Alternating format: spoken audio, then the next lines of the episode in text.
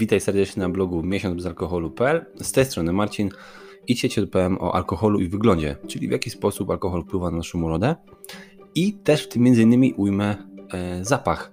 W jaki sposób poradzić sobie z brzydkim zapachem, tak żeby e, inni nie wyczuli od Ciebie faktu, że dzień wcześniej wypiłeś alkohol, albo przynajmniej zmniejszyć ten fakt.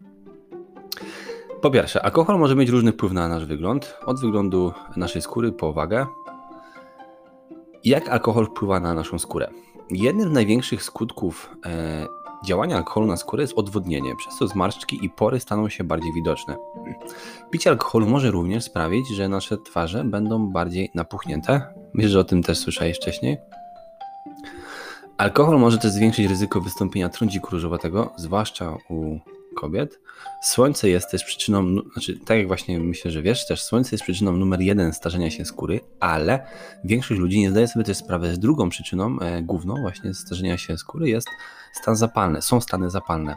Tym samym każdy sposób uniknięcia zapalenia, stanu zapalnego będzie lepszy od, e, będzie dla naszej skóry.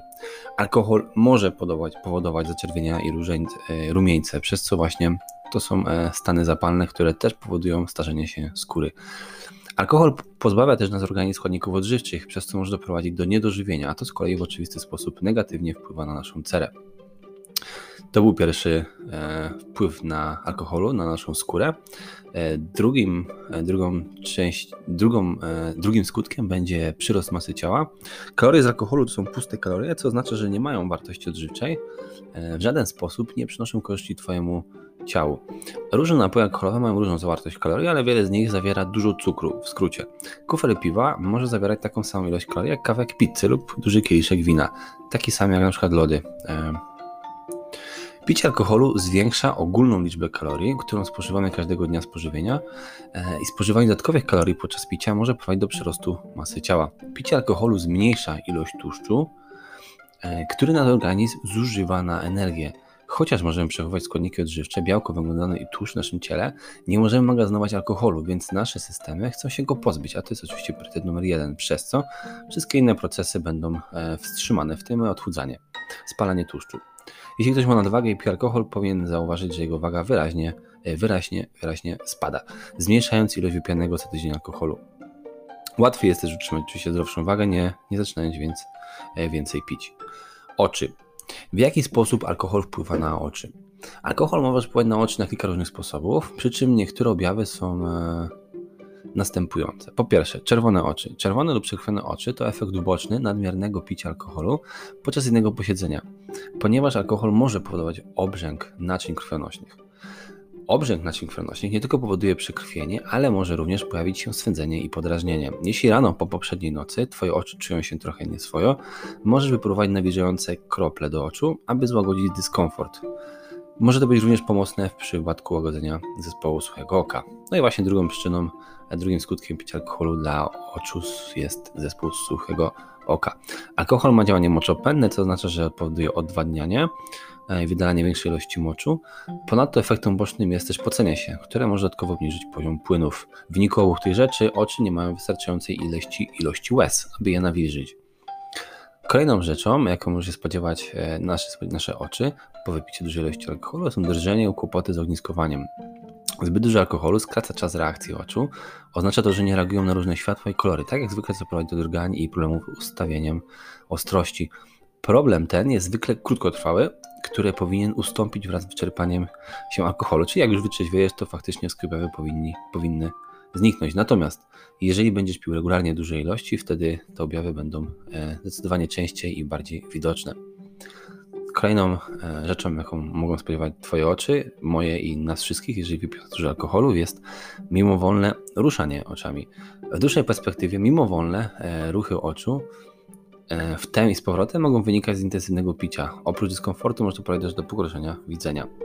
Kolejną rzeczą jest żółta twardówka, biała część oka. Twardówka może to e, żółknąć po latach picia, a ponadto e, może to być oznaką też choroby, chorej wątroby, która może również wynikać z intensywnego picia. Kiedy alkohol pośrednia czynność wątroby, narząd ten nie jest w stanie prawidłowo funkcjonować. Żółknięcie oczy jest wówczas spowodowane nagromadzeniem się czerwonych krwinek, które oszkadza wątrobę.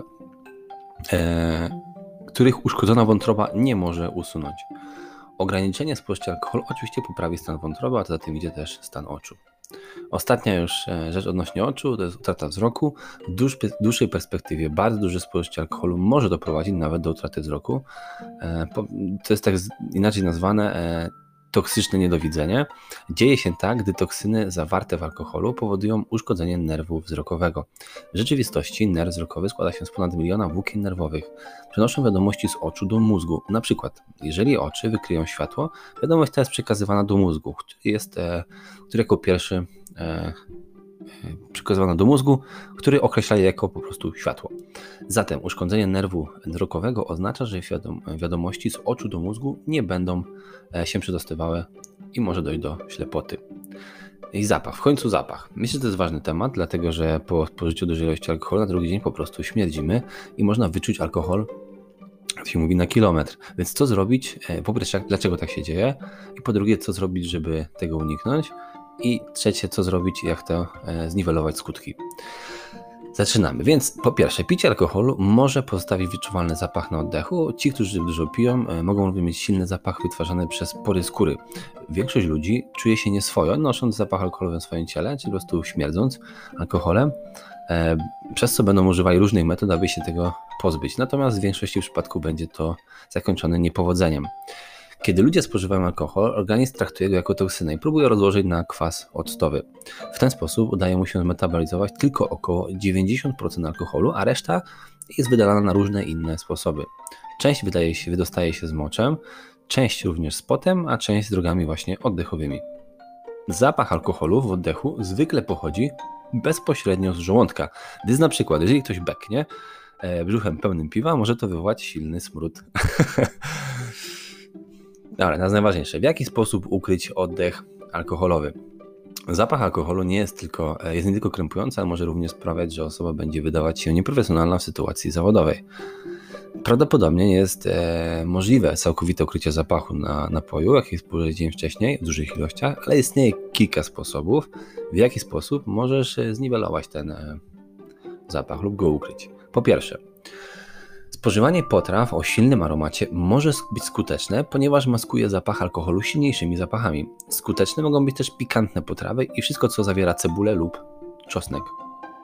Hm. Punkt numer drugi. Jeden z najpopularniejszych sposobów, w jaki ludzie próbują ukryć oddech alkoholu, jest rzucie miętówek lub gumy. Może to być skuteczne w tymczasowym maskowaniu zapachu napoju, natomiast osoba, która zawsze pachnie miętą, może też wzbudzić pewne podejrzenia.